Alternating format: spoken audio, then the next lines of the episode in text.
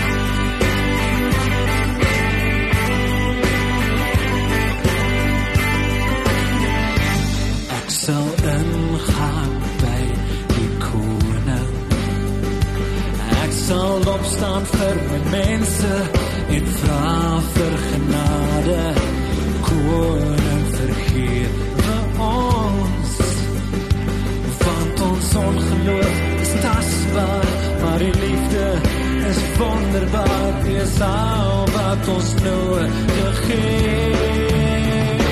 Ons sal eindig,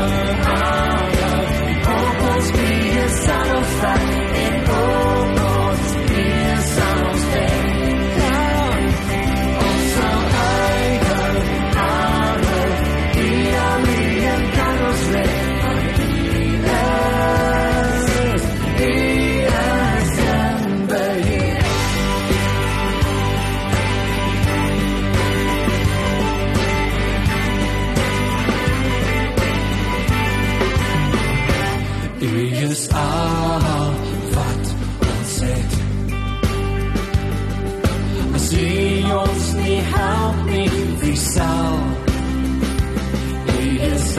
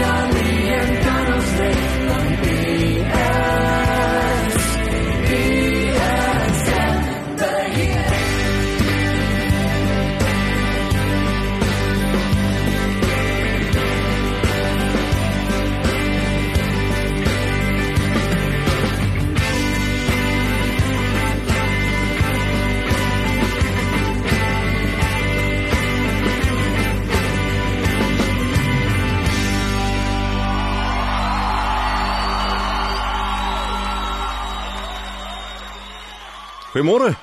Dit is lekker om so te kan saamkuier hierdie eerste Vrydag van die nuwe jaar, 5de Januarie.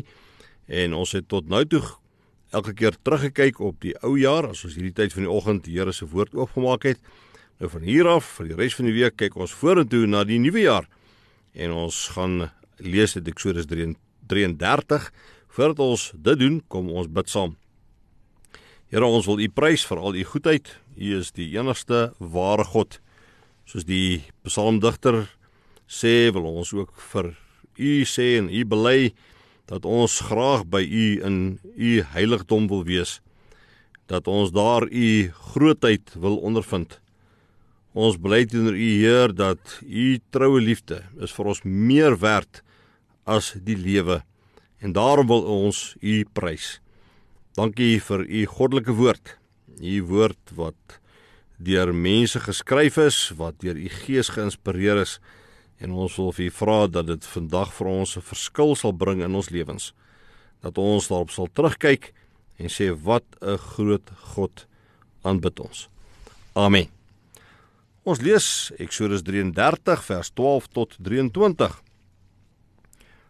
Op 'n keer het Moses vir die Here gesê: "Kyk, U beveel my om met hierdie volk te trek sonder om my mee te deel vir wie U saam met my stuur.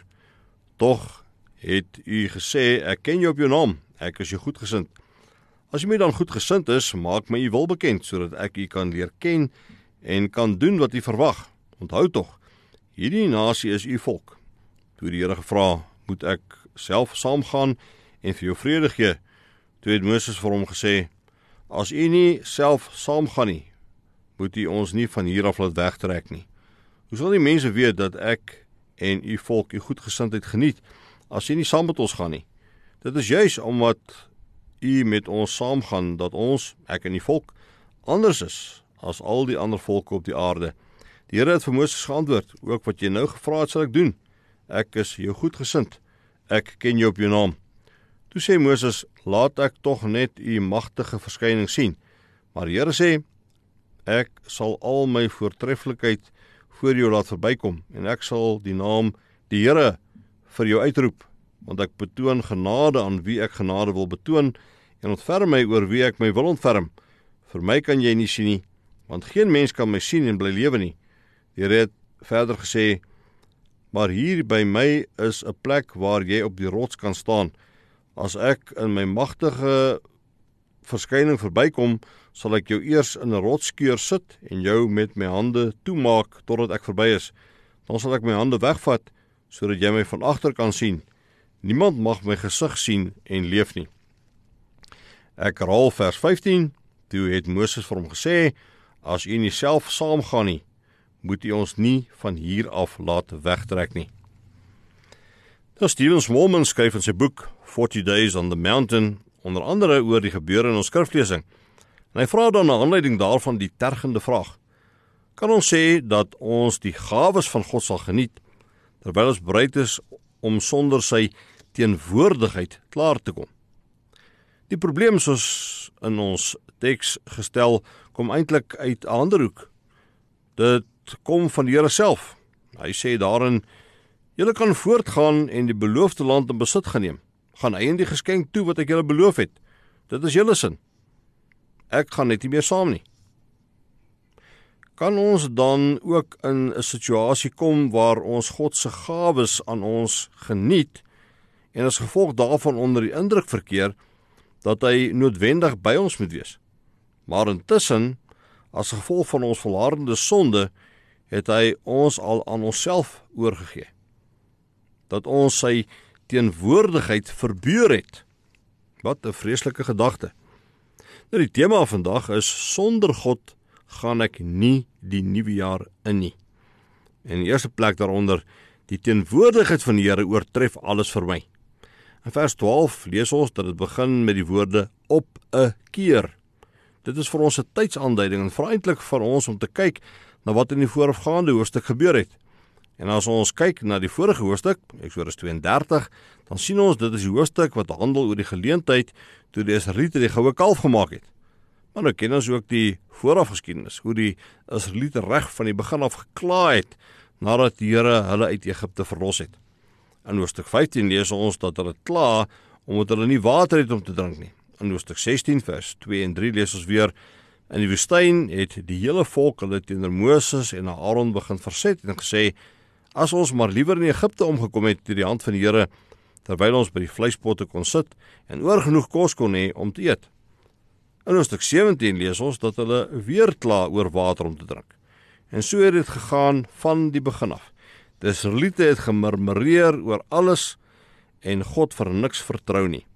Geen wonder nie dat die Here uiteindelik in Eksodus 33 vers 3 sê: "Julle is so 'n moeswillige volk dat ek nie sal saamtrek na hierdie land wat oorloop van melk en honing nie, want dan verdelg ek julle op pad daarheen."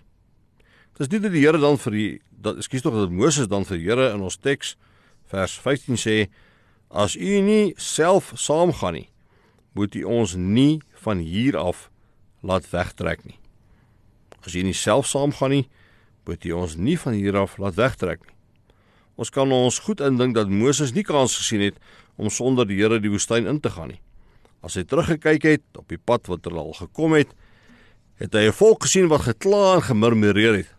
As hy vorentoe gekyk het, tot hy stof en sand en hittewalms en vyandige volke gesien. En daarom sê hy vir die Here: As U nie self saamgaan nie, moet U ons nie van hier af laat wegtrek nie.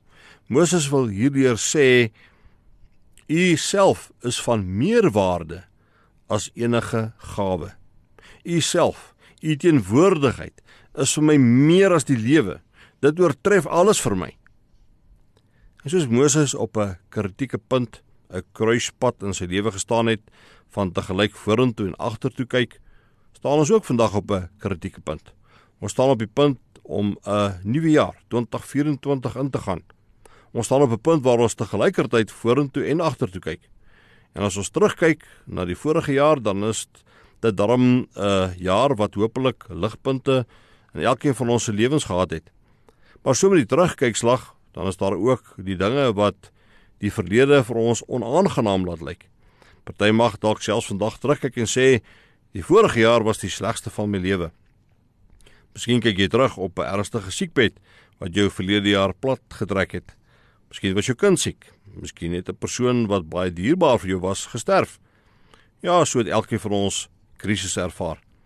En as ons teen die agtergrond van daardie krisisse ook vandag moet vorentoe kyk na 2024, dan kan dit maklik gebeur dat ons nie kan sien om die nuwe jaar aan te pak nie. Dat ons ook by dieselfde punt uitkom as Moses, dat ons, nes hy in vers 15 vir die Here sê, as u nie self saamgaan nie, moet U ons nie van hier af laat wegtrek nie. Dat ons eintlik vir Here wil sê, Here, as U nie saam met ons 2024 tegemoet gaan nie, dan bly ons net hier. Here, ons is totaal van U afhanklik. Sonder U gee ons nie 'n tree verder nie. As U nie self saam gaan nie, moet U ons nie van hier af laat wegtrek nie. Maar daarmee saam wil ons ook vanmôre teenoor die Here bely. Here, U self beteken vir my meer as U beloftes. U self is vir my van meer waarde as enige gawe. U teenwoordigheid is vir my meer werd as die lewe. In vers 17 gee die Here vir Moses hierdie vertroostende antwoord. Die Here het vir Moses geantwoord: "Ook wat jy nou gevra het, sal ek doen. Ek is jou goedgesind en ek ken jou op jou naam." Die Here sê eintlik vir Moses: "Moses, ek sien raak dat jy jou afhanklikheid van my besef." Jy kan verseker weet dat ek saam met jou die toekoms sal ingaan. Ek seën jou. En dis wat die Here ook vir ons wil sê so in die begin van die nuwe jaar. Hy wil hier ons teks vir ons sê dat hy ons belydenis van afhanklikheid van hom hoor. Hy gee ag op ons verootmoediging vir hom. Ons erkenning dat sy teenwoordigheid vir ons meer werd is as die lewe. Hy hoor jou afhanklikheidsverklaring dat jy ook weier om 'n tree verder te gee sonder God se beskerming en nabyheid. Die tweede punt waarna ons kortliks kyk ook vanmôre is God se sigbare teenwoordigheid in ons lewens. In die laaste sinnetjie van vers 13 sê Moses: "Onthou tog, hierdie nasie is u volk." Dan pleit hy verder in vers 16: "Hoe sal die mense weet dat ek en u volk u goedgesindheid geniet as u nie saam met ons gaan nie?" Dit is juis deurdat u met ons saamgaan dat ons, ek en u volk, anders is as al die ander volke op die aarde. Moses sê: Here, al die nasies weet dat U ons God is en ons die volk is. Almal het gehoor dat U ons verlos het uit Egipte en dat U die Egiptenare verneder het. Dit gaan dus vir Moses nie net daaroor dat Israel God se volk is nie. Dit gaan ook nie vir hom net daaroor dat mense moet weet dat die Israeliete sy volk is nie. Nee, dis vir hom belangriker dat hulle dit moet sien na aanleiding van God se teenwoordigheid by hulle. God se teenwoordigheid. Vir ons is dit ook 'n belangrike saak om te besef. Baie mense mag dalk weet dat ons Christene is, maar die belangrikste is of hulle God se teenwoordigheid in ons lewens sien. Weet hulle dat ons God se volk is omdat ons dit vir hulle sê of besef hulle dit dat God dat ons God se volk is omdat hulle dit sien dat God by ons teenwoordig is.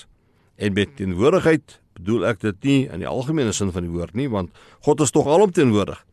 Maar kan hulle sien dat God op 'n besondere manier by ons, sy kinders teenwoordig is.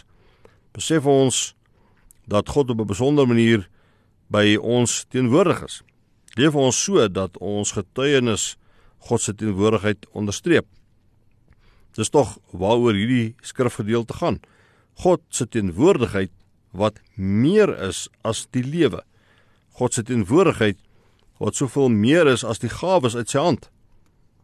Ja, ons staan vandag soos 'n Moses van ouds op die punt waar ons te gelyk vorentoe en agtertoe kyk. As ons agtertoe kyk, dan sien ons heel moontlik verskeie krisisse raak wat gedurende verlede jaar oor ons pad gekom het. Beproewings wat ons huiwerig maak om 'n nuwe jaar tegemoet te gaan. Die Here wil op hierdie kritiese punt vir ons sê dat hy ons belydenis van afhanklikheid teenoor hom hoor dat hy ook ons erkenning dat sy teenwoordigheid vir ons meer werd is as die lewe hoor dat hy die nuwe onbekende jaar met ons ingaan. Hy hoor jou afhanklikheidsverklaring dat jy ook weier om 'n tree verder God se teenwoordigheid te gee. Ek sluit af met die woorde in vers 15. Toe het Moses vir die Here gesê: "As jy nie self saamgaan nie, moet u ons nie van hier af laat wegtrek nie." Die Here het vir Moses geantwoord: "Ook wat jy nou gevra het, sal ek doen. Ek is jou goedgesind. Ek ken jou op jou naam." Amen. Kom ons bid. Here baie dankie dat U 'n seënende God is. 'n Beskermende God is. 'n God voor wie se aangesig ons kan lewe. Genadige God wat ons gebede verhoor. 'n God wat aan ons vrede gee. Dat ons ook met daardie idee van u, daardie beeld van u in ons gedagtes hierdie nuwe jaar tegemoet kan gaan. Amen.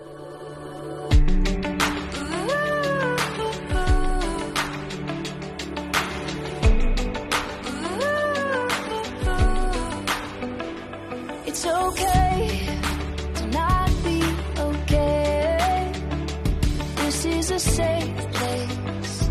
This is a safe place.